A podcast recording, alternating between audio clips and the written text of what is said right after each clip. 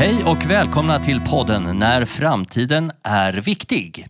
Tre framtidsforskare som har eh, placerat sig i en studio för att spela in en intressant podd. Med oss i studion har vi bland annat Diana Uppman, hejsan. och vi har Jörgen Ramnelöv, hallå hallå. och vi har undertecknad Bobo av Ekenstam. Och temat för det här eh, mötet med er, det är 2024 i backspegeln. Eh, vi hade häromdagen ett seminarium och skrev en rapport om vår bild av vad som händer i, eh, under året som kommer, nämligen 2024. Eh, och ehm, eh, det har vi gjort i 17 år i rad. Ja, Så det är inte har första vi. gången. Nej. Och brukar vi, brukar vi ha rätt, Jörgen? Ja, det är väl en definitionsfråga antar jag, men eh, om du frågar mig så tycker jag det. Jag tycker nog att vi eh, ofta är ganska spot on på de här. Vi, vad pratade vi om förra året? Nej, men 2023? förra året då hade vi lite olika teman som vi brukar ha och det blev, då pratade vi en hel del om Ja, AI pratade vi om. Och det blev en ganska stor eh, snackis under 2023. Ja, och eh, vi pratade om att vi skulle få en tunnare plånbok. Just det. Och det fick många. Det fick många. Eh, vi pratade ganska mycket värderingar, eller hur Diana? Vi pratade Ja. om ismer. Ismernas krig, ekocentrismen, teknocentrismen och AI-ismen. Ja, den tycker jag fortsätter in i 2024 faktiskt. Ja. Ja. Ofta är det ju så att det vi pratar om under året är ju eh, sånt som vi vill uppmärksamma därför att det slår igenom eller det är början på en ny trend. Så att det är inte så att det är något som bara finns under året som kommer och sen försvinner. Nej, verkligen inte. Utan det- är väl lite det, det vi ska prata om idag också handlar ju mycket om det att det, det vi ofta ser är ju starten på någonting som Ja. sen kommer att påverka oss under lång tid framöver, Ja, troligtvis. precis. Förra året hade vi ju temat brytningstid. Mm. Diana, brytningstid på flera sätt. Ja, det är en brytningstid som påverkas av dels den digitala, eh, att vi har en eh, digitalisering som har fått ett stort genomslag kan man säga. En brytningstid också i hållbarhetsfrågor. Framförallt en brytningstid på politikens område där vi går från liberala demokratier över till auktoritära. Ja. Och eh, vi har haft en brytningstid för att vi har haft också en pandemi som har på något vis både stoppat upp och skyndat på olika trender i samhället. Verkligen. Ja. Det, det kan man tänka sig när vi tittar på nutiden eh, om 10-20 år att eh, pandemin faktiskt var en brytpunkt för ganska många nya fenomen. Men i år har vi ett övergripande tema, nämligen trolltider. Och varför har vi trolltider som ett övergripande temat? Jo, men vi pratar om Eh, mycket fake news, eh, trollfabriker som öser över eh, oss med eh, felaktiga budskap. Vi pratar om nyandlighet. Diana? Ja, det kommer vi till. Ja. med eh, kanske tro på troll. Ja, lite folktro kommer det nog fram där. Exakt. Eh, och vi pratar också om hackerattacker och annat som eh, riskerar att attackera oss under 2024 i större utsträckning. Vi har ju haft en hel del hackerattacker under början av året och de ser vi kommer fortsätta.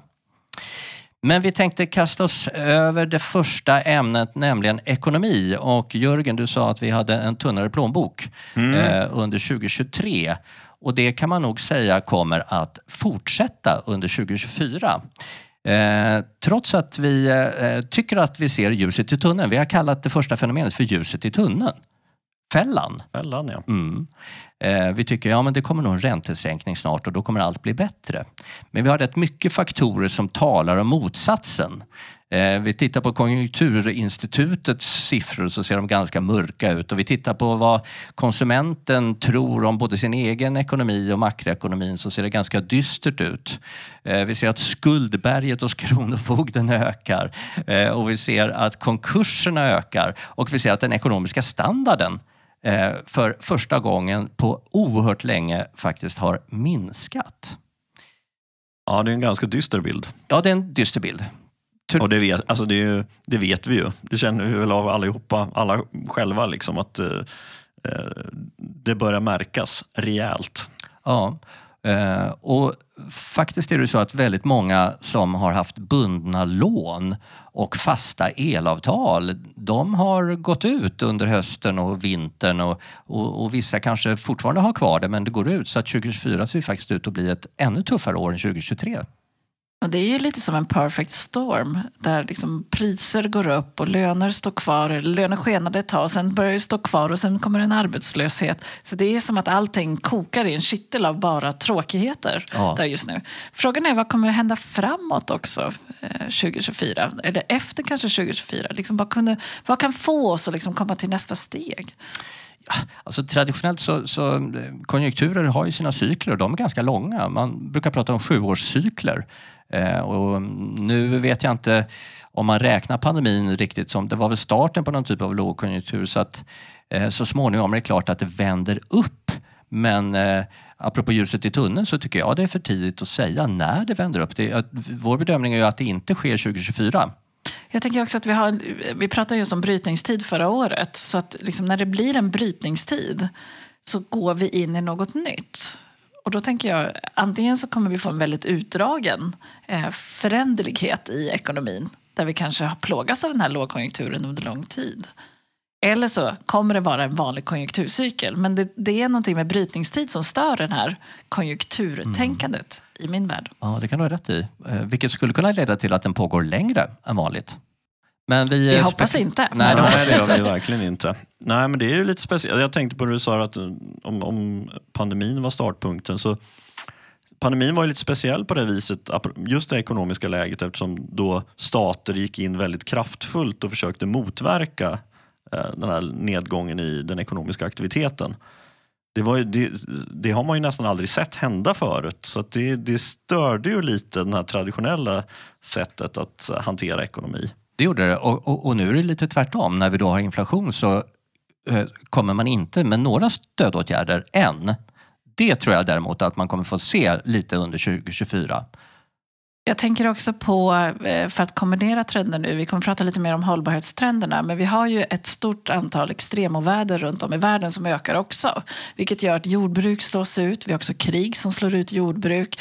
Vi har en handel som påverkas av torka, till exempel Panamakanalen kan inte användas fullt ut och man får ta omvägar som oftast är geopolitiska spänningar kring de omvägarna, vilket också gör att det blir svårt att, eh, att frakta varor. Och höjer priserna. Och det höjer ju priserna ännu mer. Så att Frågan är just det här brytningstiden, vad vi går in i och liksom, kan vi se en blomstring någonstans förhoppningsvis? Ja. Jag hör att du gärna vill dit Diana, men, jag, men eh, jag vidhåller att när vi pratar om 2024 så kommer det inte ske 2024, bedömer vi det som. Utan vi får nog återkomma 2025 och se om vi ser någon ljusning.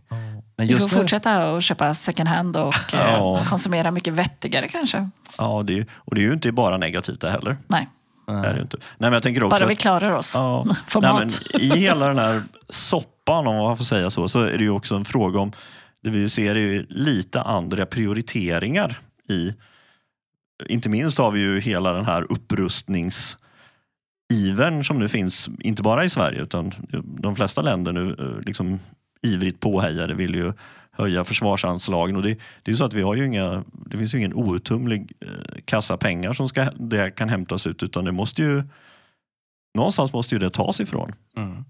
för att få ihop det. Och i, i en ekonomisk nedgång så blir nog då det ännu tuffare prioriteringar som behöver göras. Tänker ja, jag. Vilket kanske spär på ett dåligt år. Förutom för försvarsindustrin. Ja, och såklart, det finns alltid lite vinnare. Mm. Men eh, ska vi lämna ekonomin där? Alltså, vi har ett ganska dystert år. Det är en liten plattform. Och sen har vi politik också. En, eh, Nästa muntra ämne att Ja, prata om. exakt. Eh, Och, och, och det har väl inte undgått någon att vi har ett supervalår med mängder av val i världen. Eh, Mer än halva jordens befolkning ska ju faktiskt gå till valurnorna. Eh, Det är kanske inte alla som går, men eh, alla, eh, hälften har möjligheten. Eh, Och det är ju några val som kanske är extra intressanta. Eh, Vi har de här BRICS-länderna eh, som ju har expanderats med S på slutet, nämligen Sydafrika och de har några till medlemmar eh, som försöker ta en position. Eh, där, är ju en del val, en del inte så fria. Vi har EU-val i sommar, eh, viktigt för oss. Ja, jag tror det, det är inte jättemånga som, känner, alltså, som har koll på det faktiskt. Nej, det är... Vet ni när det är? Ja, jag råkar veta när det är. Ja, jag vet nog. Diana, du skakar på huvudet. Nej. Början på juni. Sjätte i sjätte. Mm. Mm. Exakt. Eh, Så att det, nej, men det är ju en jättegrej faktiskt. Ja, det är en stor grej. Det borde vi engagera oss i, vi svenskar. Ja, Eh, och sen har vi ett jättestort val som kommer prägla året, Diana. Vad kan det vara? Kan du tänka på ett litet land där på andra sidan Atlanten? Västerut. Ja. USA eh, heter ju det. Och det, det, det, det är ju någonting som vi kommer få plågas av eller om man är intresserad njuta av under året. Eh, för den består ju av en lång resa med massa primärval i början. Vi är nu inne i primärvalssäsongen. Det är en enda det- lång Trump-saga skulle jag säga, som Ja. vi kommer att stå inför. Ja, nej, men det finns så många bottnar och vinklar på den där historien som kommer att bli, kan man då liksom faktiskt om man ska titta, se på det, eh, kommer att bli både intressant och fascinerande att betrakta. Sen kan man ju också bli bedrövad över utvecklingen av det. Fast kanske är det lite roligare än vanligt. För eh, eh, vad man än tycker om Donald Trump så, så händer det ju saker runt omkring honom. Ja, nej, men det, det tycker jag eh, slog mig häromdagen faktiskt. Jag tänkte på det här. Eh, när, när Donald Trump var president förra gången så var ju liksom, då vaknade man ju upp nästan varje morgon till att han hade varit ute på Twitter och eh, gjort massa utspel om både det ena och det andra. Nu för tiden har man nästan ingenting.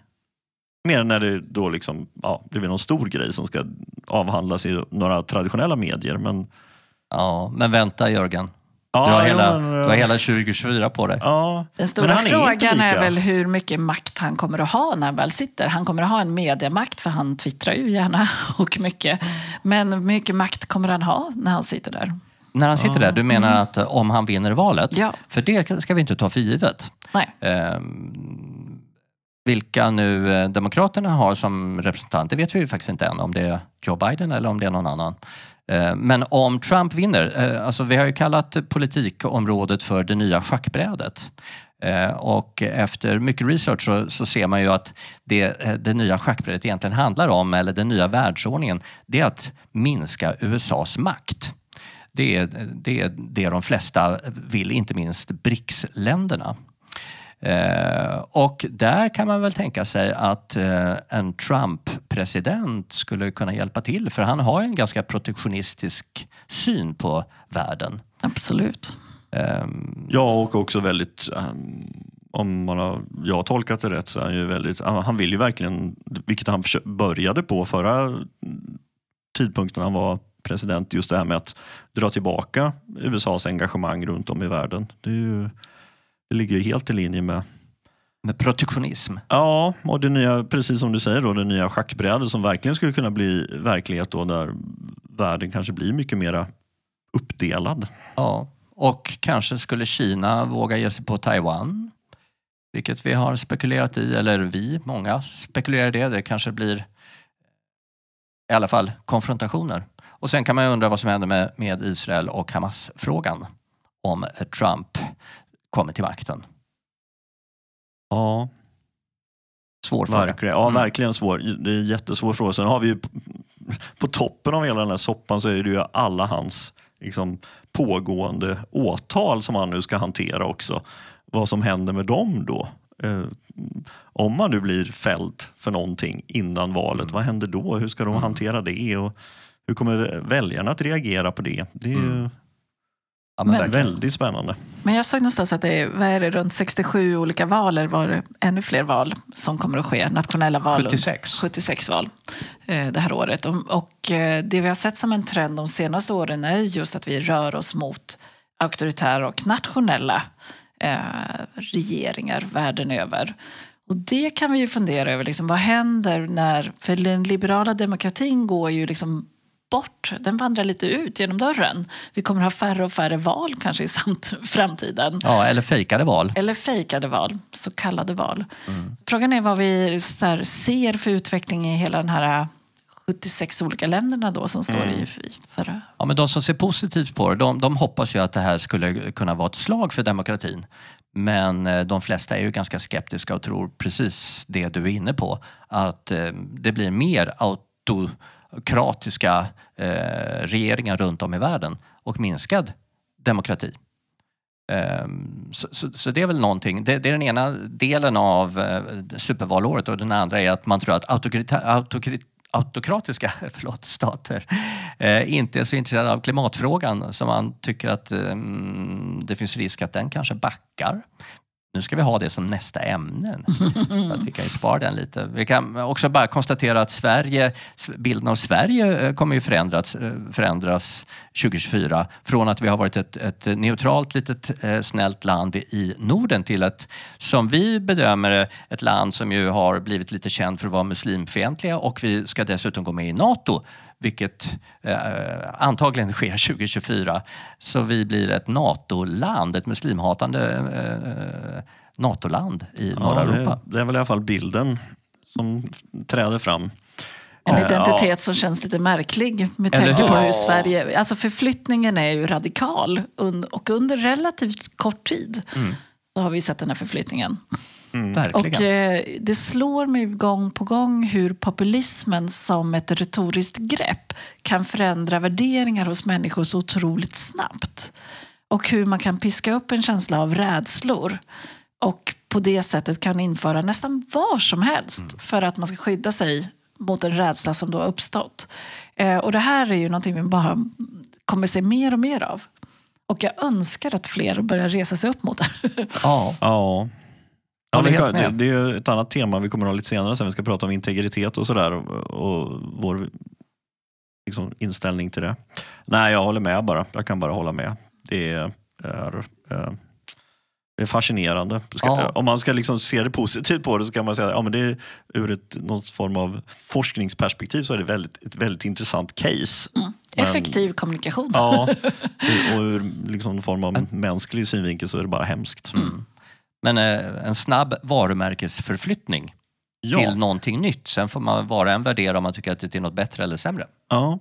Mm. Och det ska bli, jag tycker det ska bli intressant att följa just den utvecklingen lite på det viset. att Vilka konsekvenser det faktiskt kommer att få.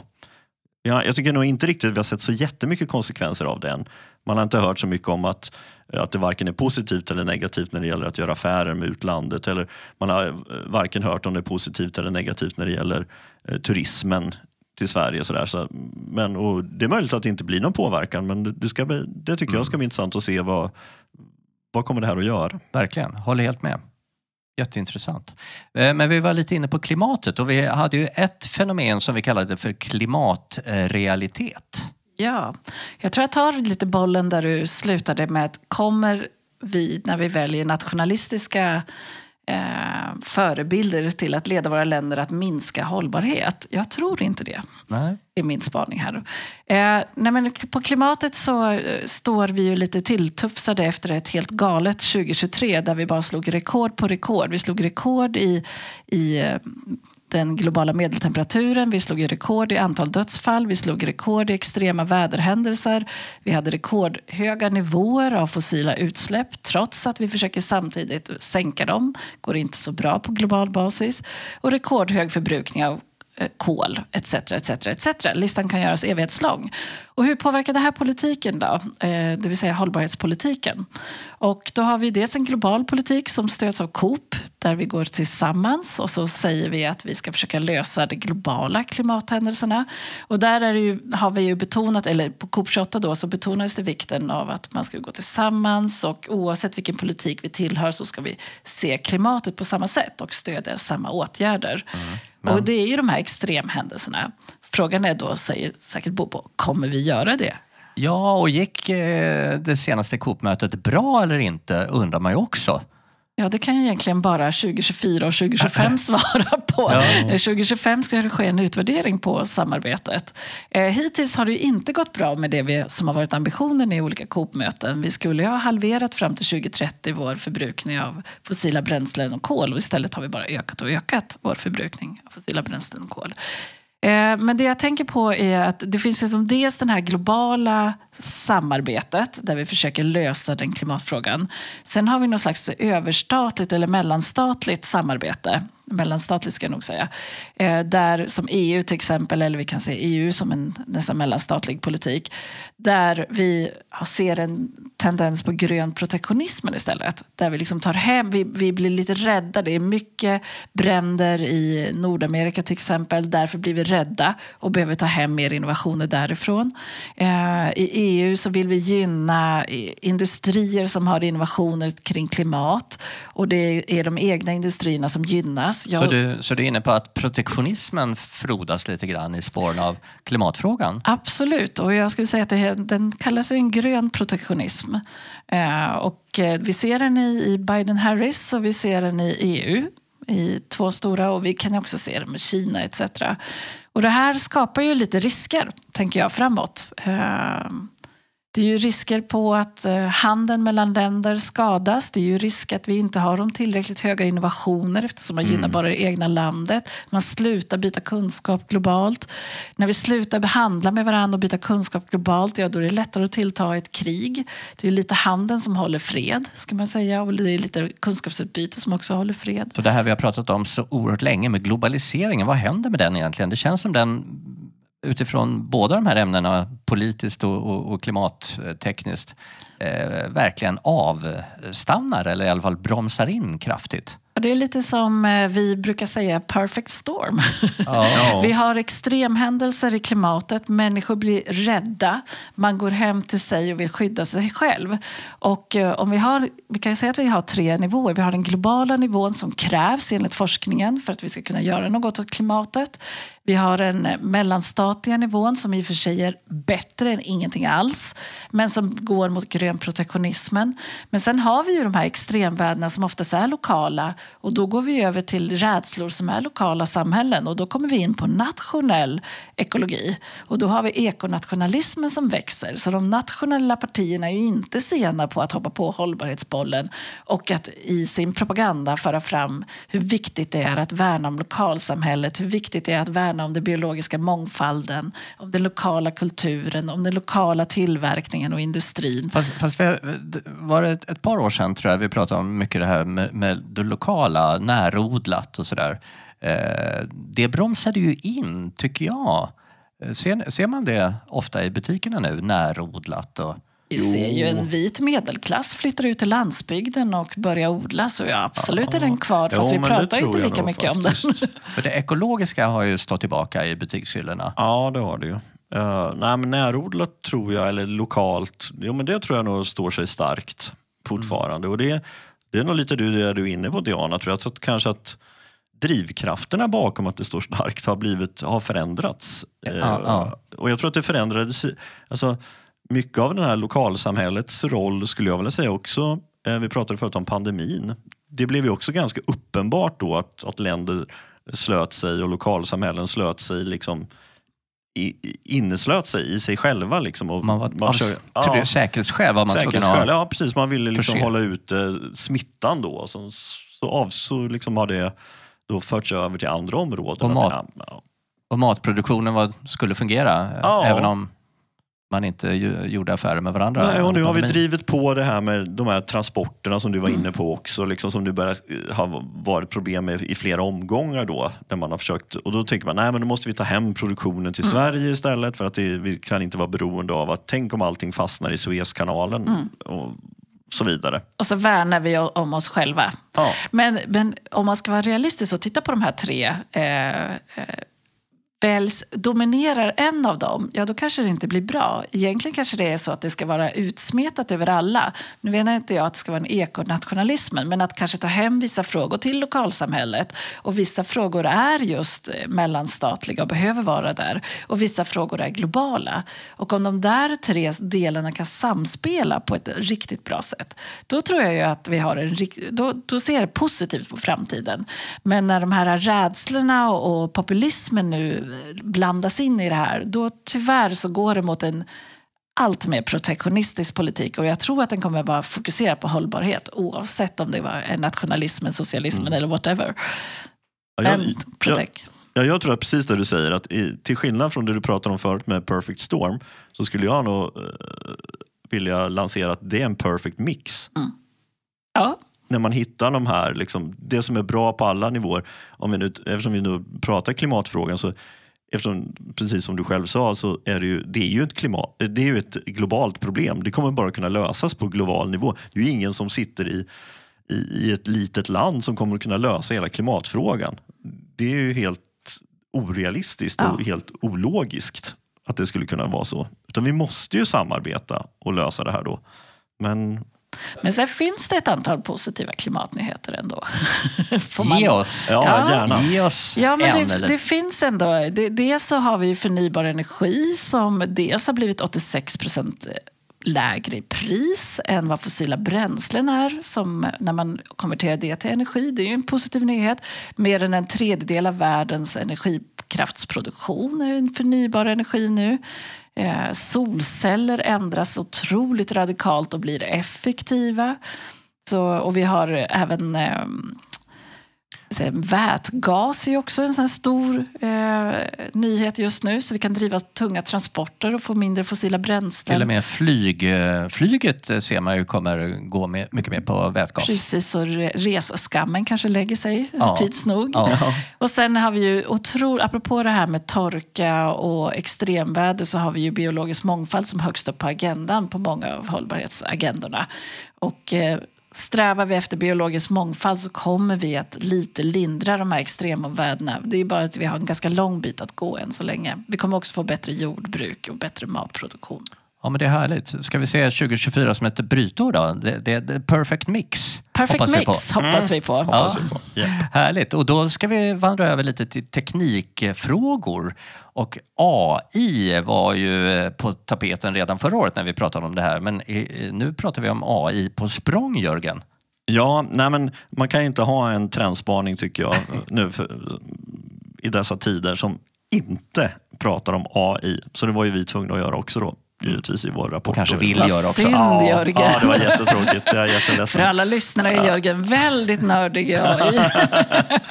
Ja, nej, men AI har ju varit verkligen på alla läppar eh, under 2023. Det blev faktiskt till och med årets ord i, hos eh, förlaget Collins i England. Eh, det säger väl någonting kanske. Eh, men eh, i vår rapport i år då, så har vi djupdyket lite i en liten nisch där, då, det vi kallar för AI på språng. Då. Och vad menar vi lite kort om det då? Jo, men vi ser en utveckling där väldigt mycket runt omkring oss får AI i sig som gör att vi kan ta med oss AI vart vi än är någonstans. Det kan vara att våra mobiltelefoner blir mycket smartare. Det finns, AI, det finns redan idag olika typer av AI-appar som man kan använda sig av. Vi har sparat ganska mycket på och testat själva faktiskt väldigt mycket AI-glasögon. Smarta glasögon. Smarta glasögon. Det har jag till och med köpt. Du har ju ett par Bobo, ett par Ja. Ray-Bans som är jätteintressanta att testa och se Ja. vart det tar vägen någonstans. Hur användbara är de egentligen? Och sist men inte minst så ser vi också en helt ny produktkategori dyka upp med AI-devices kan vi kalla dem. Som då är, ja, som på något vis vill ersätta de där två förstnämnda kategorierna men som ändå är lite speciella och ser lite olika ut och lite olika utformade. Du tänker på mobiltelefonen? Och... Ja, nej, men de vill, försöker. Det finns ju bland annat en produkt som fick väldigt mycket uppmärksamhet under 2023 som heter Human AI. Eh, Ett amerikanskt företag som har tagit fram en liten, ja vi kallar det pryl då, som man ska ha på, ja man, skulle, man kan ha den egentligen var som helst men de flesta verkar ha den på bröstet. Och så är den som en liten tändsticksax ska man ha där. Och där är det AI den då som man då kan kommunicera med. Och den har också någon intressant grej, nämligen att den har en projektor i sig. Så när den, när den vill visa någonting så kan den projicera det till exempel på din hand. Så då kan du se liksom vad den, vad den Handen, vill blir, visa. handen blir en skärm. Handen blir en skärm. Här känns lite R2D2 kommer Ja, och spelar upp sin Typ. film. Ett Ja, litet meddelande. Precis, Mm. exakt. Nej, och det här, här tycker jag, man kan nörda in sig i tekniken och man kan se liksom där, men eh, någonstans hela ämnesområdet med artificiell intelligens handlar ju om att få tillgång till någonting som är typ smartare än vad vi är. Och eh, tänk om man då om de här olika visionerna och de här nya prylarna som kommer, om de blir, liksom, får en, en betydligt större spridning än vad de har idag. Vad kommer det att göra med vårt samhälle när vi rör oss ute och har liksom, i, i vårt öra har vi hela tiden en assistent som vi kan kommunicera med och hjälpa oss och tala om saker. Men en intressant sak som du nämnde på seminariet var ju eh, direktöversättning. Ja, Eh, det är ju superintressant om man kan vara i vilket land som helst och prata med vem som helst på sitt eget språk och det direktöversätts till det språket som den andra talar. Ja men, ja, men jag tycker den är... Jag har ju själv inte testat den, men den verkar jättecool. Det är Samsung som har tagit fram till sin absolut senaste modell, S24. Eh, där då inte, det är inte, inte ens en applikation, utan det, eh, AI, den här AI-funktionaliteten finns inbyggd i själva telefonen. Vilket till exempel gör att man kan slå på direktöversättning när man ringer någon. Det vill säga att om jag ringer en kines så kan den personen prata kinesiska och jag kanske då inte kanske kan prata svenska i dagsläget, men jag kan prata engelska. Och vi kan väl liksom, så simultant då så översätts det jag säger till kinesiska och det den personen säger översätts till engelska till mig.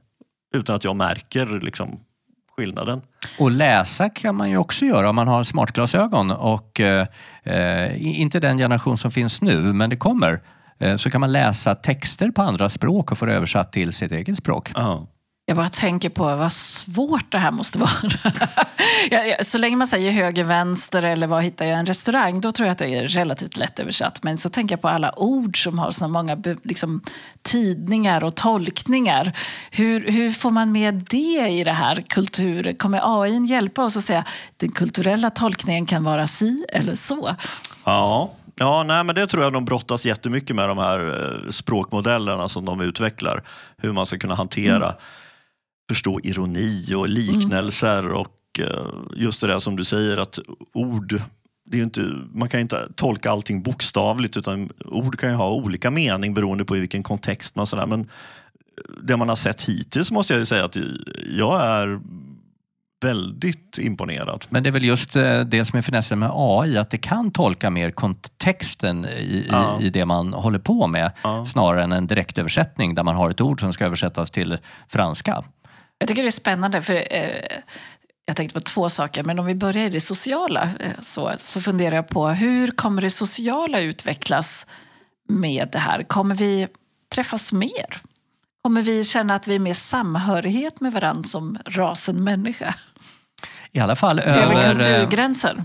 I alla fall över eh, språkgränser så öppnar det upp möjligheter att man faktiskt kan samspråka med andra som man normalt sett inte talar med för att man inte förstår varandra. Nej, och så fort man kan samspråka på en nivå där det talade blir jämlikt då, har man ju, då kan man ju se att man får större respekt för varandra. Så jag tänker då om AI översätter så att det blir just eh, kontextuellt och kulturellt jämlikt då kanske vi blir riktigt bra vänner här i framtiden. Ja. Ja. Ja, men det, det är ju det, jag- bara en, det, ett infall här som jag fick var att vi pratade ju om vi pratade politik här förut och vi pratade om Sverigebild och sådär. Eh, en sak som man trycker ju på väldigt mycket just nu för tiden är ju det här med eh, att man måste lära sig språket dit man kommer. Och eh, kulturen, det är väldigt viktigt. Eh, men tänk om tekniken liksom tar bort den barriären. Den, den existerar egentligen inte. Är det bra eller dåligt? Ja, Jag vet inte. Men du menar att man inte behöver kunna kulturen? Du, Nej, du men måste- alltså, man ändå, du, pratade en, du sa någonting som fick mig att associera till det. Liksom, att den på något vis tolkar in det också i. Mm. Du får Ja. hjälp med att... Ja, jag vet inte, jag spekulerar nu. Ja, nej men, eh, jag, jag tar med mig min kultur i, i, min person och så reser jag till Grekland och Ja. när jag talar så, går- Ja, så ja, gör ja. AI att det anpassas till Eller, den grekiska Jag kulturen. tänker snarare åt andra hållet, att den hjälper mig att tolka. Okej, det här, jag ska ta, jag, jag, den här människan kommer från den här kulturen. Nu, ja, eh, det här är bara spekulation, det existerar nog inte ens. Men då kan jag tänka mig, liksom, då, får den, då hjälper den mig. Liksom, ja, men du ska tolka det så här. Mm. De menar det här egentligen, Ja. när de säger sådär. Ja, Tänk Jag vet vilken, inte. tänk vilken makt vi ger till AI. Ja, Verkligen. Och tänk vilka handfallna generationer vi kommer ha framåt. ja, men, nej, men det, Eller så blir det inte så. Det Nej. kanske blir superproffs De blir- i mingel. De blir i alla fall handfallna när eh, mobilerna, eller den Ja, device det- man har då inte är Ja, laddad. just det. Nej. Då, det, då blir det tungt. exakt, det blir tufft. Men spaningen Jörgen, det är att vi får smartare mobiler och Ja, nej, men jag tror att vi kommer att få se en, en, en våg. dummare människor lät. Ja, typ. nej, men jag, tror, jag tror vi kommer att få se en våg av sådana här nya prylar och uh, allting vi har runt omkring oss. eh, sant eller falskt, så kommer jätte, jätte, jättemånga företag att börja marknadsföra sina prylar med att nu har de i AI i sig. Mm. Ordet AI kommer inte bara tillhöra 2023. Nej. Det glider över i 2024 och framtiden. Och, och, eh, vi gled över på lite mjukare faktorer, men vi ska eh, in på nästa område. En besjälad värld, eh, som också är lite mjukare faktorer. Eh, Diana, vad, vad ska vi prata om? Besjälad värld. Ja, men det är väl också ett litet svar på att vi kommer från en kaotisk tid, eh, en brytningstid och försöker ta oss an en helt ny tid och tolka den så bra det går då. Eh, och det det handlar om en nyandlighet och en kanske ny tillväxt för religionerna. Det var vår utgångspunkt när vi började spana i det här. Vi såg under hösten att det var fler och fler artiklar till att eh, många kulturpersonligheter i Sverige konverterade till katolicismen. Då blev vi nyfikna, stämmer det? Då visade det sig att det var ganska få människor när det kom till antal. Jag tror att det är på hundra per år som konverterar till olika religioner i Sverige. Men många, det man, kan se är att det är färre som hoppar av religioner. Så att någon form av religiositet börjar vi se. Och ett intresse för religioner börjar vi se. Eh, vi har ju även i den här podden pratat om andlighet några gånger. Och eh, det är alltid svårt att liksom, styrka andlighet i form av statistik. Men det finns en del statistik. Dels att det är 80 procent eh, av eh, världens befolkning är ju religiös. Tittar vi på nyandlighet så är 60 procent av amerikanerna anser sig vara nyandliga. Och i en studie i Sverige så säger man att 40 procent är nyandliga eller tror på någonting. Höga siffror skulle jag säga. Det är relativt höga siffror för att vara så lite vi talar om rent öppet i samhället. Och när vi tittar lite mer så har vi sett lite exempel. På Malmö universitet så finansierar till exempel en fastighetsentreprenör en professur i meditation. Det låter ju ganska harmlöst. Men den här fastighetsentreprenören är verkligen inne i en nyandlig tradition. Och när professuren utlystes så kom också den nyandliga gurun Deepak Chopra och var huvudtalare vid utlysningen. Eh, vi ser en uppmärksamhet som ökas kring förhistoriska religioner, mycket mer kring mayakultur, egyptisk förhistorisk kultur, kring ufon eh, och religion kopplat till ufon. Eh, vi ser också mycket kring ursprungsbefolkningens religioner som kommer in i böcker, i poddar, i filmer och i dokumentärer av olika slag. Så schamaner och vad heter det? Nor, nor, nordar, eller vad heter det? Mm. Nojdar. Nojdar heter det, ja, just det. Nojdar. Ja, precis. Jo, men shamanismen, häxkonster har ju blivit brett. Det är mycket ledare som går in och, och arbetar med shamaner. Vi har ju en ledare som är Argentinas president, till exempel Javier Milei, som regelbundet går till medier. Han sägs också prata med sina hundar och där rådfrågar han både medier och hundar hur han ska styra politiken i landet. Och jag tror att vi bara ser början på det här. Det här Ja. kommer vi se allt fler ledare eh, gå över till nyandlighet av olika slag. Och känslan är ju också att många i ens vänskapskrets där pratar om, om det här. Man åker på olika retreater, eh, man köper kristaller, eh, man pratar om healing, man pratar om energier. Eh, jag som var med förra, om vi kallar new age-vågen, känner igen ganska mycket. Eh, kanske- Frekvenser kommer nog vara Frekvenser, årets frekvenser. ord. Frekvenser pratar vi Frekvens, väldigt ja. mycket om. jag känner att det är lite fre- obehagliga frekvenser här inne just nu. Ja, men frekvenser är både energinivåer i beskrivning av hur vi känner men vi har också eh, som bara växer. Du bara tittar på Spotify så kan ni hitta väldigt mycket frekvensbaserad musik som ska få er både lugnare eller mer intellektuell eller mer skärpt eller mer kärleksfull eller rensa chakran av olika slag. Så frekvenser kommer nog stå och frekvenser kopplar man väldigt mycket till ufon och Ja, jo, aliens tänkte, också. ja, precis. Det finns väl också någon sån här eh, kosmologisk eh, var, eller vinkling på det där. Ja. Och järnvågor kopplar man det väl ofta till. Vilken frekvens har järnvågorna just Ja, nu? alfa, Alf- beta och teta. Ja, Ja, precis. precis. Men det, det, jag tycker det är intressant för man kan ju ändå ställa sig frågan varför ökar den här nyandligheten just nu? Och eh, det är några tunga drivkrafter vi har identifierat i vår rapport eh, och spaning. Det är ju dels att det är en ökad kunskap om universum och kvantfysiken. Och de här bekräftar ju oftast mycket av de här urlärorna. Eh, vi har också en rädsla för de här naturens krafter som ska som vi tror kan förinta oss, alla extremoväder vi har runt omkring oss.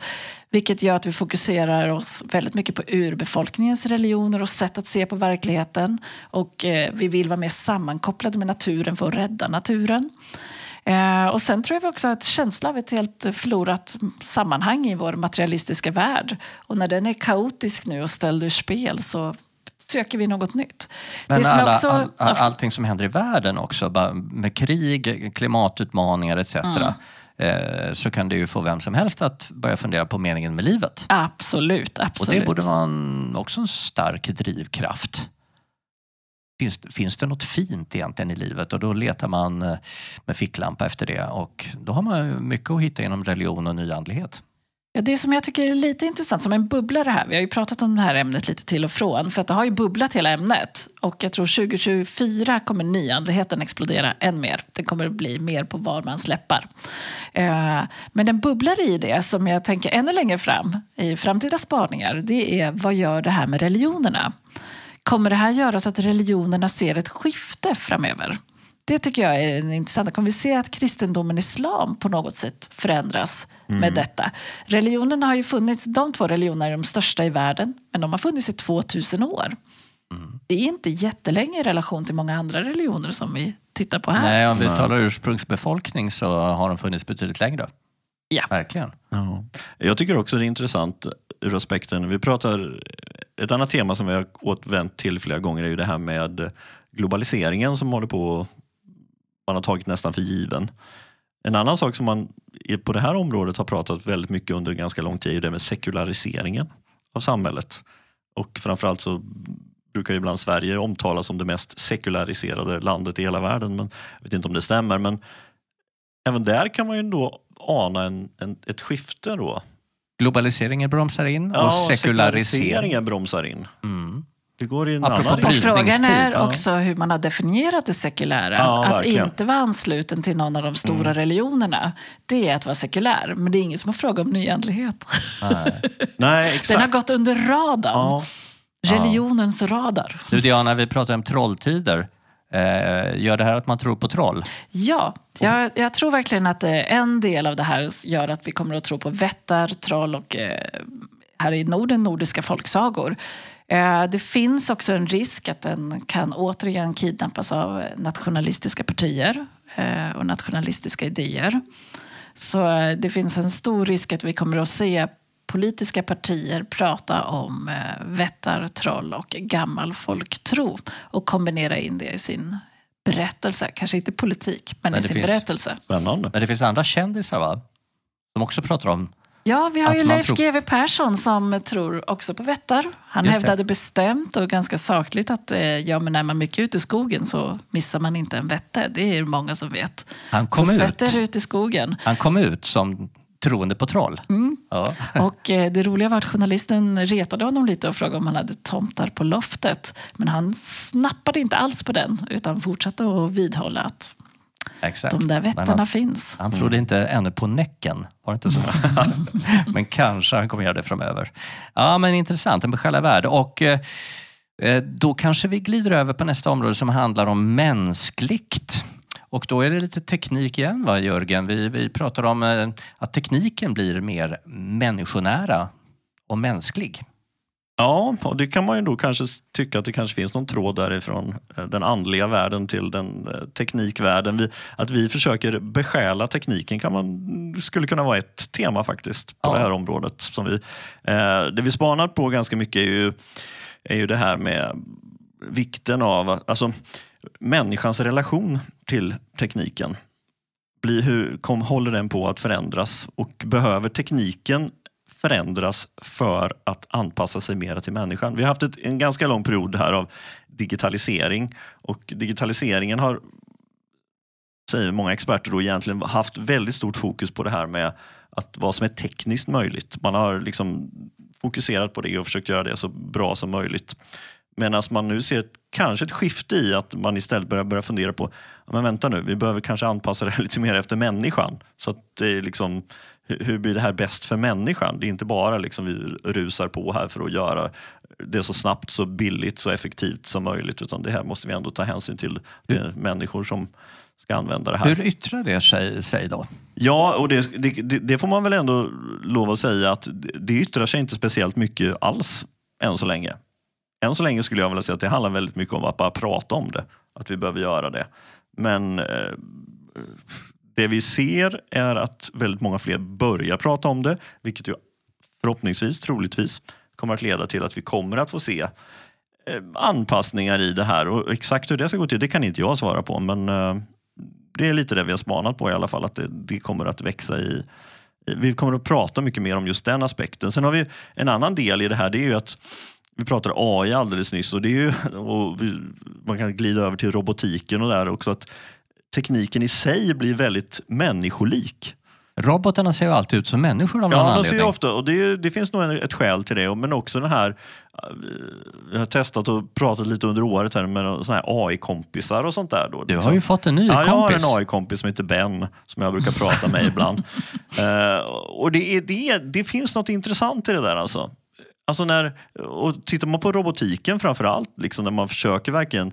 Det är rätt fascinerande att, att varför är det så att man, man gör dem till en människas avbild?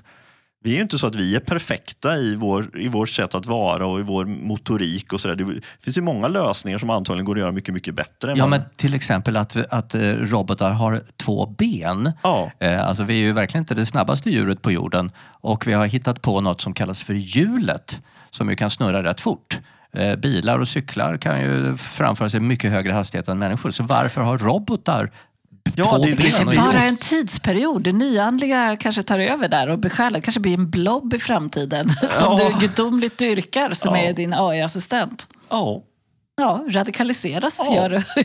Jag, vet, jag kommer ihåg för, i, för, i 2023 backspelen så vad heter det, lanserade vi väl AI-ismen som en sån här, liksom, hur vi tillber AI.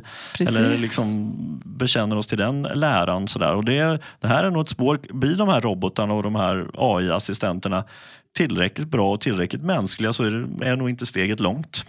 Till att vi se dem hamnar som där. gudarna. Nej. Nej. Men jag tycker vi har pratat om robotar så oerhört länge. Inte bara vi, utan många. När har vi en robot hemma? Det är ju inte varje dag man möter en robot. Alltså, ett tag tänkte man att man skulle mötas av dem i butiker som visar var brödet finns eller så. Eh, Men nu har vi ju dem. aha. Har vi inte nej, det, Jörgen? jo, nej, men, eh, ett av de kanske mest spännande projekten är ju Tesla då, eh, och Elon Musks projekt Optimus. Som ju han själv har gått han, han kör ju alltid den här taktiken. Det var ju likadant när han lanserade både sina raketer och sina, sina bilar. Att han, han, han sätter ju ett sånt där fruktansvärt eh, högt mål.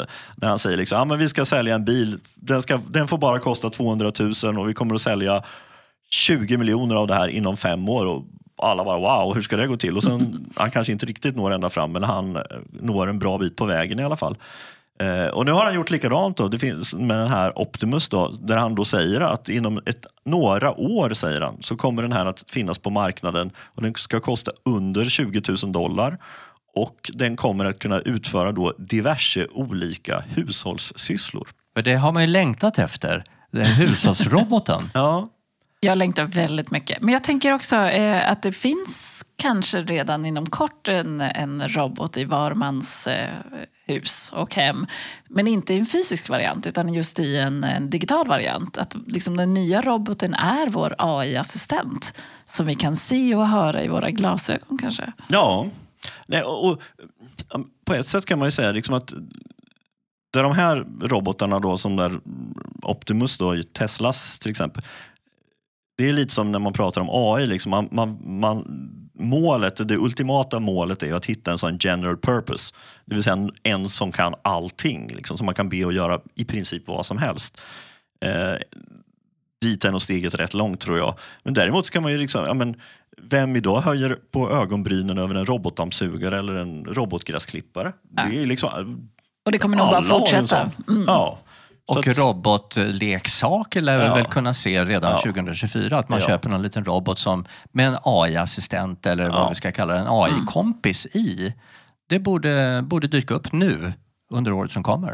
Men jag tänkte på det här med mänskligt och teknik. Är det inte så att eh, under väldigt lång tid så har vi nästintill sett, alltså det är visionärer som utvecklar tekniken och så får vi andra människor springa efter lite grann och utvecklas Exakt. med den. Och nu har det vänt att tekniken ska liksom lyfta människan i första hand.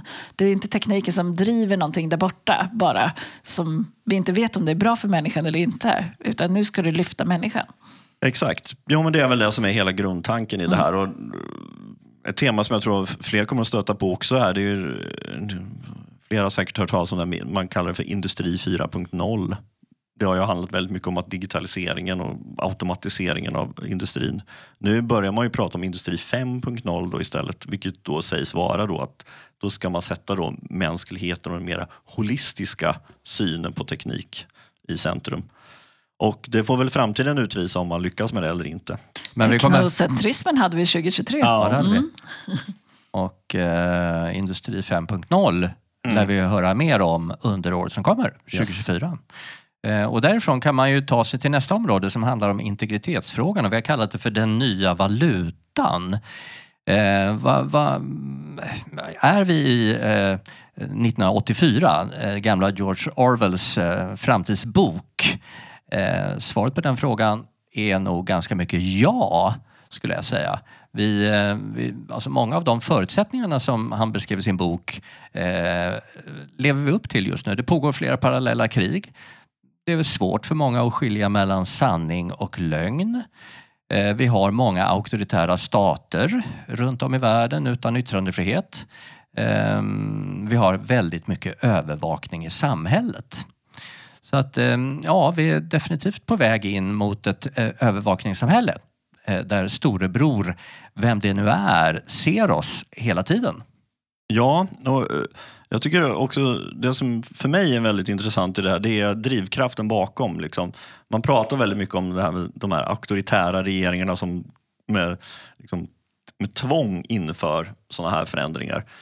Jag tycker mig se någonting helt annat. Det, det handlar inte alls om det. Det handlar, det handlar snarare om, alltså de flesta av de här systemen och de här övervakningarna, de införs i demokratier och det är demokratiska val och det är demokratiska liksom, underlag för att det här ska införas. Så att det, det är absolut inte någon som står och pekar med hela handen och säger att så här ska vi ha det och eh, alla ska vara tysta och inte... Håller helt med. Vi vill ha det därför att vi får någonting eh, av det. Ja, Vi använder just integritet- integriteten som en valuta för vi upplever att vi blir tryggare om vi har fler övervakningskameror.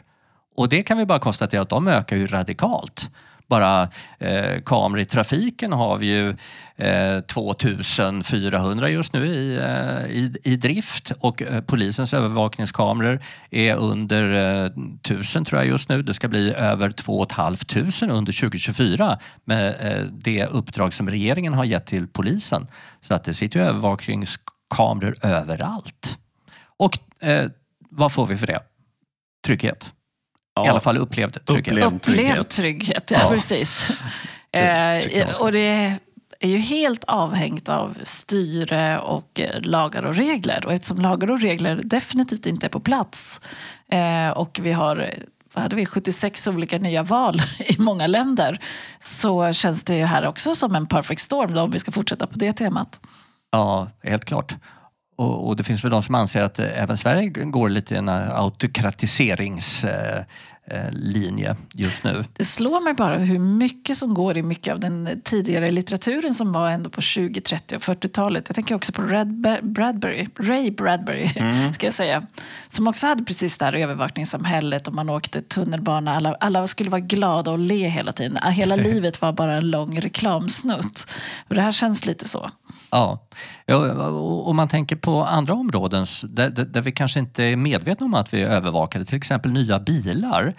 Eh, så kan man se att eh, de innehåller väldigt mycket teknik. Det är sensorer, det är kameror, det är ehm, eh, högtalare som talar till oss men, men framförallt sådana saker som eh, tar reda på vad, vad vi gör i bilarna. Till och med hur mycket vi väger, eh, vart vi åker, eh, vad vi lyssnar på för musik, vem vi pratar med i mobiltelefonen. Och det här är någonting som några eh, organisationer har rest. Det här är ju en, en, en hemsk integritetskränkande miljö. Mm. Eh, och vi vet inte riktigt vad biltillverkarna använder den här informationen till. Så att den där fredade zonen när vi satt och, och körde bil och trodde att ingen såg oss eller hörde oss, den är ju definitivt förbi. Nej men det är ju det, det är väl lite en, en baksidan av den här hela den digitala utvecklingen. Just att de möjligheterna är så otroligt stora. Och, och det finns, ju, det finns ju något bra i det. Det är ju så man säljer in det. det finns liksom man, du pratade förut om trygghet men det handlar ju också om bekvämlighet och enkelhet och sådana saker som ökar med hjälp av och personlig anpassning. Liksom. Ja, men bilen ställer in sätet efter ja. min vikt. Eh, ja. Den kör kanske, den vet att nu är Jörgen på väg till jobbet. Eh, då ställer den in GPSen på rätt eh, mål etc. Så det är ju det vi betalar med. Nu är Jörgen sur och behöver lite groundmusik. Ja, exakt. Och uppåt-musik. Ja, och, ja, väder och vind och så vidare. Ja, nej, det... Och på, och på jobbet? Ja, på jobbet är vi också övervakade, eh, i alla fall en del av oss. Eh, allt fler arbetsgivare inför olika tekniska hjälpmedel för att ha koll på sin personal. Clever Control är ett eh, system där man kan ha koll på hur många tangenttryckningar som görs, vilka webbsidor man är inne på. Eh, man kan till och med ha kameran på.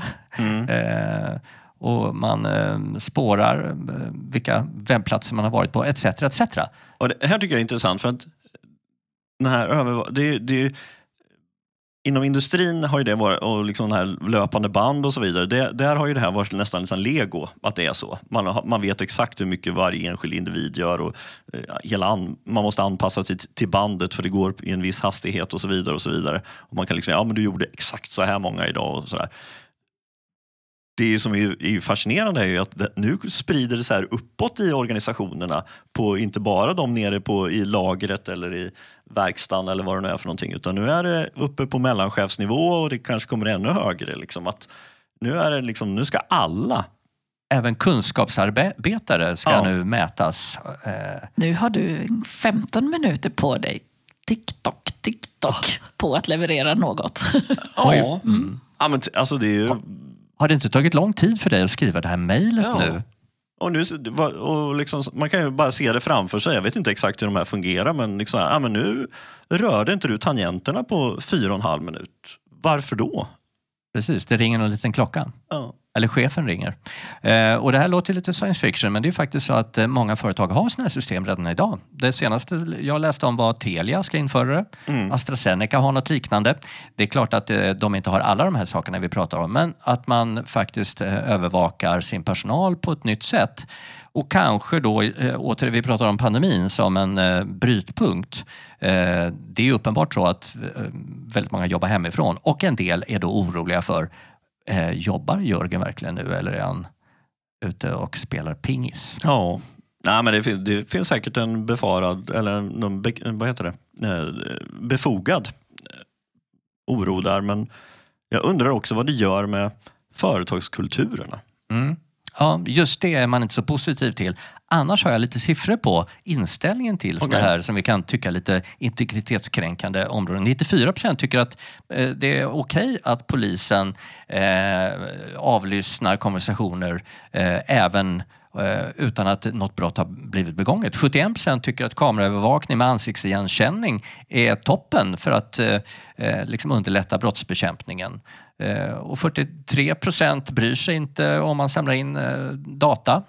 Eh, och, och, och, och, varför är det så här då? Jo, därför att vi tjänar någonting på det. Eh, bara för att avrunda det här så är det ju det är den valuta vi betalar för. Vi, vi betalar för att få upplevd eh, trygghet. Mm.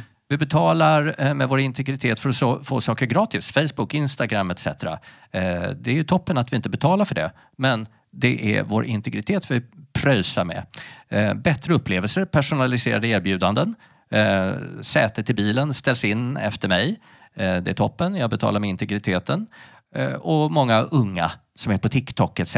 för att få vara med, för att vara en del av gemenskapen. Och vi ser inget eh, gryende motstånd, utan det är snarare tvärtom. Va? Lite grann. Eh, Alltså jag tycker mig se några röster som ibland höjs. Ja, Eh, de var- är inte många skulle jag Nej. vilja säga. Nej.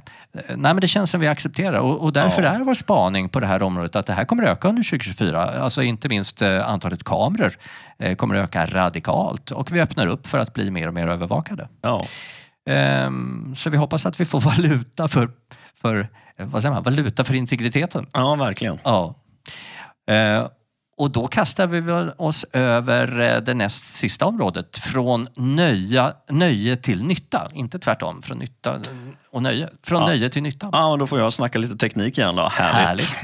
eh, jo, nej, men eh, det här var även någonting vi började spana på redan eh, förra året faktiskt, där, med den virtuella utvecklingen som vi kallar det då. Eh, och vi, kan inte, vi kunde inte undgå i år att prata om, nu sitter vi här och spelar in det och nu har precis då Apple släppt sina eh, headsets, de så kallade Vision Pro Spatial Computing eh, headseten eller vad man nu vill kalla dem. Eh, och eh, vår spaning här är ju det att vi, vi, har nog, vi har ju haft upp det här med virtuella och det är nog säkert folk som tycker att om vi har haft fel någon gång så har det säkert handlat om det för att vi, de tycker att vi har pratat om det alldeles för mycket jämfört med hur, VR-headset. ja, hur mycket det verkligen har slagit igenom. Eh, Men nu, men nu, nu vi, vi är ihärdiga, vi ger oss inte. Vi eh, slår fortfarande på den här trumman. Och då, temat i år är ju då det här från nöje till nytta. Vi, vi har själv, själva gjort en ganska stor, ett stort projekt under hösten och håller på att avsluta nu kring just den här virtuella utvecklingen här i Sverige. En så kallad multiklientstudie en med flera... Men ja, flera- med några med par andra organisationer och vi som har tittat lite närmare på det. Och vi gjorde bland annat där då en eh, kvantstudie där vi frågade svenska folket liksom kring det här, hur stor användandet faktiskt är. Och eh, det kan jag då avslöja att det är ungefär 5% i Sverige som gör det här regelbundet. De Det- har VR-headset Ja, och använder använder det regelbundet. För det var frågan vi ställde. Och det skulle innebära då att vi rör oss kring typ 300-400 000 människor. Inte så lite faktiskt, om man, tycker inte jag i alla fall. Eh, Men däremot, eh, där man ju definitivt ser då, det är ju att i- än så länge så är ju det stora användningsområdet nöje. Man spelar spel, man tittar lite på film och sådär. Men i, i, i huvudsak så 9 av 10 anger att de använder det här främst till nöje. Vår spaning är nu att bland annat med tack vare eller på grund av eh, Apples eh, lansering så kommer det, vi att se ett skifte. Det här kommer att gå över till att bli en mycket mer en nyttopryl. Vi kommer att få se det mycket mer ute på arbetsplatser. Att folk använder den här nya typen av eh, headset som kan hjälpa oss att öka produktiviteten, att göra att vi kan kanske bli ännu friare i vart vi befinner oss när vi arbetar och så vidare. Möten, du och jag Möten. Jörgen, eh, vi skaffade oss ju headsets naturligtvis inom ramen, ramen för projektet. Ja. Och vi, eh, alla våra jobbmöten gör vi nu i VR, Ja, i en virtuell miljö och upplever det som mycket, mycket effektivare, bättre och trevligare och roligare. jag tycker det är intressant vad man gör med orden här eftersom man har förflyttat VR-headset till ansiktsdator. Jätteintressant. Det, det kommer att nog förflytta även mindset, hur man använder det här, apropå från nöje till nytta. Ja, nej men jag tror det. Eh, Jag såg faktiskt bara tidigare idag här så läste jag eh, en artikel om just med tanke på att Apple har lanserat sitt, eh, sin produkt här nu då. Eh, de har ju en App Store till det och eh, det man kunde se där var att majoriteten av alla appar som har, det är inte jättemånga än så länge, men de som har eh, lanserats än så länge har ett produktivitetsfokus. Det är inte alls nöjesgrejer, det är inte alls några spel utan det är väldigt stort fokus på just produktivitet. Alltså att använda det för att göra olika typer av ja, arbetsuppgifter helt enkelt. Ja, men det är väl som Diana är inne på. Det ersätter datorn. Mm. Eh, Man, man, alltså priset för eh, Apples eh, ansiktsdator ligger ju på runt 50 000 va? svenska ja, kronor. svenska kronor. Ja. Eh, och det är ju rätt mycket, men om den ersätter en dator, då är det ju inte så farligt. Nej, då blir ju inte prisskillnaden jätte, inte lika stor. Det, som sagt, det beror på vad man har för referensram. Men jämför man till exempel med vad en iMac kostar, deras värstingdator, då är inte prisskillnaden jätte, jättestor. Den är, den är, det är en viss skillnad, men det är inte jättestor. Ja, exakt. Och i det, inom ramen för det här projektet har vi pratat om när kommer någon killer app, alltså riktiga nyttoappar. Och det kommer ju garanterat komma med Apples nya släpp. Ja, Uh, nu har man börjat uh, spekulera i, har jag sett nu, att man pratar mycket om det här. De har ju en, en speciell videoformat som heter spatial video som man gör att man kan uppleva, man kan spela in saker och sen uppleva dem i 3D. Liksom, de här händelserna. Och det verkar många ha gått igång på och tycker att det verkar vara en riktigt cool grej att ha. Och om man har en, eh, eh, vad heter det, en iPhone 15 då ska det ju inom kort komma eh, en möjlighet att filma eh, med Spatial. Ja. Så att när man gör sin nästa uppdatering så borde det dyka upp Spatial eh, Movie eller vad det Mm. kan heta för någonting. Eh, och då filmar man ju i 360 Ja. och sen kan man titta på det i, sitt, eh, i sin ansiktsdator. Mm. Och jag tror att den inte bara är 360, för 360 kan ändå bli lite platt sådär, utan jag tror att den till och med är då i, i 3D. Just det, 360 och 3D. Ja, samtidigt, så att det blir ett djup i den. Så att man, Det är väl det som är Spatial. Det är mycket nya begrepp exakt. här. Ja, det är mycket nya begrepp. Immersive eller immersiv är också sånt här ord. Ja. Diana, Alltså jag, ja, jag kommer att prata om immersiv, men jag tänker direkt på staden och arkitekter och, och stadsutveckling när jag tänker på de där. Att kan man få det här djupet, då har vi ju helt plötsligt en helt annan verklighet där vi kan se vad som kan hända och byggas och så vidare och hur det kan se ut på platsen. Jag känner att det här blev jättespännande. Mm. Ja. Och, att vi kan resa till platser innan vi eh, reser dit på riktigt eh, är ju naturligtvis en jättenyttomöjlighet. Var ska vi åka på semester? Och, och det är inte, jag tycker också det är intressant, att den här, för den här lirar ihop med min tidigare spaning som jag hade med AI på språng. För att det är uppenbart att de två teknikerna kommer att giftas samman. Och eh, när vi spelar in det här så har Apple Vision Pro funnits ute bland användarna under ett par dagar. Och mitt flöde har, full, har fyllts av filmer på människor som har de här headseten på sig och är ute i samhället och går omkring med dem. Sitter på kaféer, eh, äter middagar, går och shoppar. Och, ja, det, vart den utvecklingen tar vägen, det tycker jag är intressant.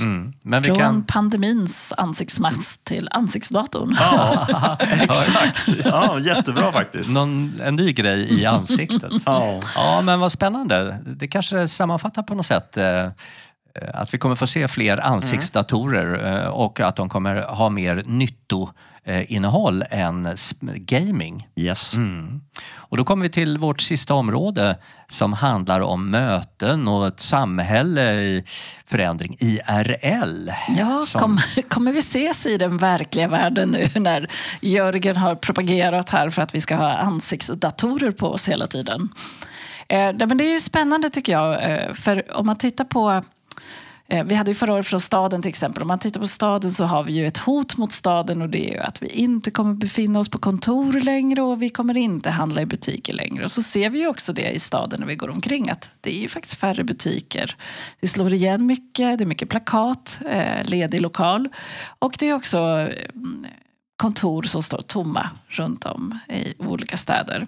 Och eh, kopplar vi ihop det här då till eh, där Jörgen är, att vi är i en immersiv värld där vi jobbar. Alltså vi sätter på oss vår ansiktsdator, vi får upp våra skärmar, vi skapar vårt kontor var vi än är. Och på det kontoret kan även kollegor och medarbetare kliva in och säga hej, snacka om familjen. Då kan man ju fråga sig, behöver vi egentligen staden? Kan vi liksom egentligen befinna oss var som helst nu? Och ändå uppleva att vi är i staden. Det där med immersiv, eh, vad betyder det egentligen? Det betyder att vi är allom, eller helt omsluten av en verklighet. Så när vi är i den digitala världen så omsluts vi. När vi skapar vårt kontor, när vi skapar våra medarbetare, och kollegor och vänner då, då kliver ju de in i en värld vi har skapat som är som en tredimensionell värld. En verklig immersiv värld. Det intressanta är ju också att vi tar den här immersiva världen från den digitala virtuella världen då, ut i den verkliga världen. Så här skapar vi ju också mycket projektioner och skärmar och ingen har säkert undgått att se van Gogh och Monets olika utställningar där vi bokstavligen kliver in i tavlan där liksom det är eh, skärmar, både tak och, eller projiceringar på både tak och golv och väggar så vi är helt omslutna av tavlan så att säga. Eh, och då är frågan fortfarande igen, så här, vad kommer hända? Kommer vi sluta träffas i vårt verkliga liv? Ja, Vad tror ni? Nej. Nej, jag tror inte heller inte det. heller. nej, jag, nej, jag tror, jag tror nej. Som, som mycket annat liksom här med reaktioner och motreaktioner så är det uppenbart för mig i alla fall att nej, Nej, det ser ju faktiskt ut som vi blir mer sociala än någonsin. Och vi har satt ett litet begrepp på det här som heter social liquid. Det vill säga att man som flytande vatten flyter in i olika världar. Det kan både vara den virtuella immersiva världen och det kan vara den, en fysisk immersiv värld och det kan vara en annan form av värld. Vi flyter mellan olika världar. flyter mellan olika världar. Social liquid. Social liquid. Och vad gör det här med kontoren då? Jo, men kontoren som vi har känt kontor, det vill säga en fast yta, kanske till och med en fast plats, eller så har vi rörliga platser på en öppen yta. Det är vi inte riktigt intresserade av längre. Vi vill ha sociala ytor. Så att det, det vi har det är att vi sk- kanske det riktiga kontoret är i den virtuella världen. Medan sen vill vi ha fysiska sociala ytor vi rör oss i. Så mycket av eh, butiker och kontor måste göras om till sociala ytor där vi vill vara sociala. Men ser man inte det- träff. Ser man inte det redan nu lite på hur man formar kontor som aktivitetskontor och det är stora mötesplatser och Jo. det är lite en scen ofta när man kommer in genom receptionen så eh, ser det som en amfiteater där, där folk ska träffas. Det är lite så. Jag tror bara att det kommer att gå ett steg till. Vi kommer inte vilja gå till ett fast kontor utan vi vill vara social liquid mellan olika typer av sociala platser när det är fysisk plats. Medan det fasta kontoret kommer troligtvis hamna i en virtuell värld. Vi kommer att vilja vara på olika platser i staden och träffa kollegor. Vi kommer att flyta in och ut i olika kaféer, olika typer av butiker där vi handlar. Vi kanske till och med klättrar lite på lunchen, träffar en annan kollega sen när vi är i omklädningsrummet. Men så han slipper se oss i kalsonger eller trosor utan han kommer se oss i en VR-värld fullt påklädd och sen så går vi vidare och gör någonting annat. Så jag tror att vi, vi kommer att flytta in och ut. Men det här kräver ju en omställning av staden. Det kräver ju att butiksägare är mycket mer innovativa till att eh, hur skapar vi en social mötesplats på den här ytan. Jag tror också att kontoren kommer ha svårigheter. Det är lätt att göra en lobby på en bottenplan och kanske på våning ett eller på en takterrass. Men vad gör vi med alla våningar däremellan? Det kommer vara en stor utmaning tror jag framåt. Eh, och internationellt så spår man ju en stor kontorsdöd och en butiksdöd. Här i Sverige är vi väldigt tigande om en potentiell kontors och eh, butiksdöd. Däremot så tror jag att vi kan bara gå ut i våra städer och se att den pågår just nu. Ja, det Frågan sitter är vad som- skyltar på nästan var tredje butikslokal. Uthyres eller vi har flyttat eller vad det nu står. Så eh, uppmaning till alla som håller på med fastighetsutveckling är väl hur skapar ni sociala ytor till en social liquid människa? Som man Ja. kan flyta mellan. Ja. Ja, nej, men jag, jag tycker just den här aspe- as- aspekten är spännande just med butiken och att göra det till en social mötesplats. Det, är- jag tror att det, det kanske inte känns jättenytt för alla och man har kundklubbar och man har kundkvällar och sådär men jag tror att eh, det vi väntar på är väl steget när det, det inte bara är särskilda tillfällen utan att allting utgår ifrån det. Liksom hela designen, hela liksom verksamheten är, har det i centrum. Det har jag inte sett. Ja, men vi börjar se det lite Ja, i en min, minimal skala. Eh, Ja. tror jag. jag tror den har enorm potential. Och då skulle jag säga Lyko här i, i Stockholm. Okej. Eh, där ser man ju 13 till 16-åringar kliva in och där har man ställt upp bord där man testar smink. Mm. Eh, och det här är ju liksom en magnet för den här målgruppen. Så de står ju där och sminkar sig och testar alla olika sminksaker och, och sminkar sig för varandra. Men det är inte någon som står och hjälper dem utan man får göra det själv i olika liksom, bord och bås. Och så ställer man fram det senaste och det coolaste som finns på TikTok. Och sen är det en massa influencers överallt på väggarna som man inspireras av. Och så kan man testa deras olika mm material som de då använder i sina ansikten. Det borde vara en jättepotential för butiker tycker jag. Jag har ju själv ett litet här smalt eh, specialintresse, nämligen gitarrpedaler med olika effekter i. Eh, och det, finns ju, det är ju en hel värld som öppnar upp sig för den som är intresserad av sånt. Och då finns det några butiker i stan som jag tänkt, de borde väl ha mer liksom att man kan stå och snacka om pedaler eller små kurser eller eh, ytor där man liksom lär sig mer istället för att bara sälja de här små boxarna. Eh, bara som ett exempel. Smink nämner du, alltså f- fotbollsskor, alltså Ja, det finns en hel, ja, drös Allt, allt egentligen. Men det är ju jätteviktigt, för jag känner att vi står i en brytningstid. För det är ju också så att vi kan lämna staden. Vi behöver ju inte riktigt staden som den ser ut just nu. Men om man kan forma om staden på ett nytt sätt, då kommer vi vilja vara i staden. Men som staden beter sig just nu i någon slags postindustriell era, det är inte intressant för oss människor längre. Nej.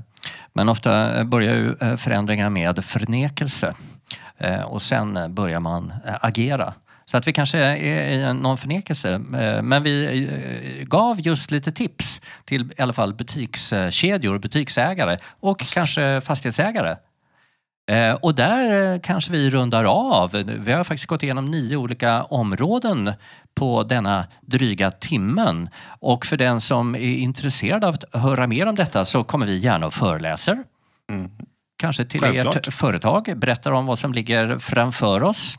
Eh, Vi ger också ut en rapport som man kan skaffa sig. Gå in på dosere.se eller eh, häng med oss på buster.se, trendsajten som vi ju driver där vi varje dag spanar om förändringar som ligger framför oss. Eh, har vi något att tillägga, Diana? Oj, huh, det här var så mycket. Nej, jag tänker att det är liksom... Det känns lite som vi pratar yin och yang. Det är mörker och det är ljus i Ja, våra... ja. Så, Ja, det, det, bra liknelse faktiskt. så att det, vi har det här mörka med auktoritär politik och nedmontering av liberal demokrati och falska nyheter och övervakning och populismen med mera.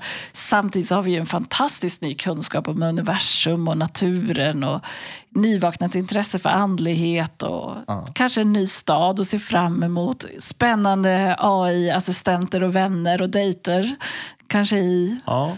virtuella världar. Jo, men, nej, men det du gör just nu tycker jag är intressant. Just det här när man eh, kopplar ihop alla de här. Det är så lätt att vi handlar i våra olika stuprör här och så pratar man bara om integritet eller hållbarhet eller något sånt. Men det är, ju, det är ju faktiskt så att de här nio olika områdena och många andra områden som vi inte hinner att prata om eh, hänger ju ihop med varandra. Det tycker jag. Och eh, ett ord som dök upp här i huvudet var nystart. Oh. Wow! Mm. Att det är kanske... Från bryt, Till- brytningstid till till- trolltid. Trolltider. Ja, till nystart. Nystart. Det är 2024, det är 2025. 25, 26, kanske 27. Ja. I don't know. Vi ska ju verkligen inte glömma att det ligger mycket, mycket positiva, spännande utvecklingsområden i det vi har pratat om idag. Eh, Så att eh, när det får blomma, om ekonomin vänder lite uppåt, eh, om Politiken. politiken vänder uppåt, krig upphör etc. så skulle vi nog kunna ha en väldigt, väldigt intressant positiv framtid framför oss. Absolut. Och det ska vi väl fortsätta bevaka vi som är framtidsspanare. Det gör vi. Hörrni, tack Diana. Tack så mycket. Tack Jörgen. Tack. Tack till er som har lyssnat. Vi hörs igen. Vi eh, avslutar med att önska er ett gott nytt år. Ett gott nytt 2024. Hej då! Hej då! Hej då!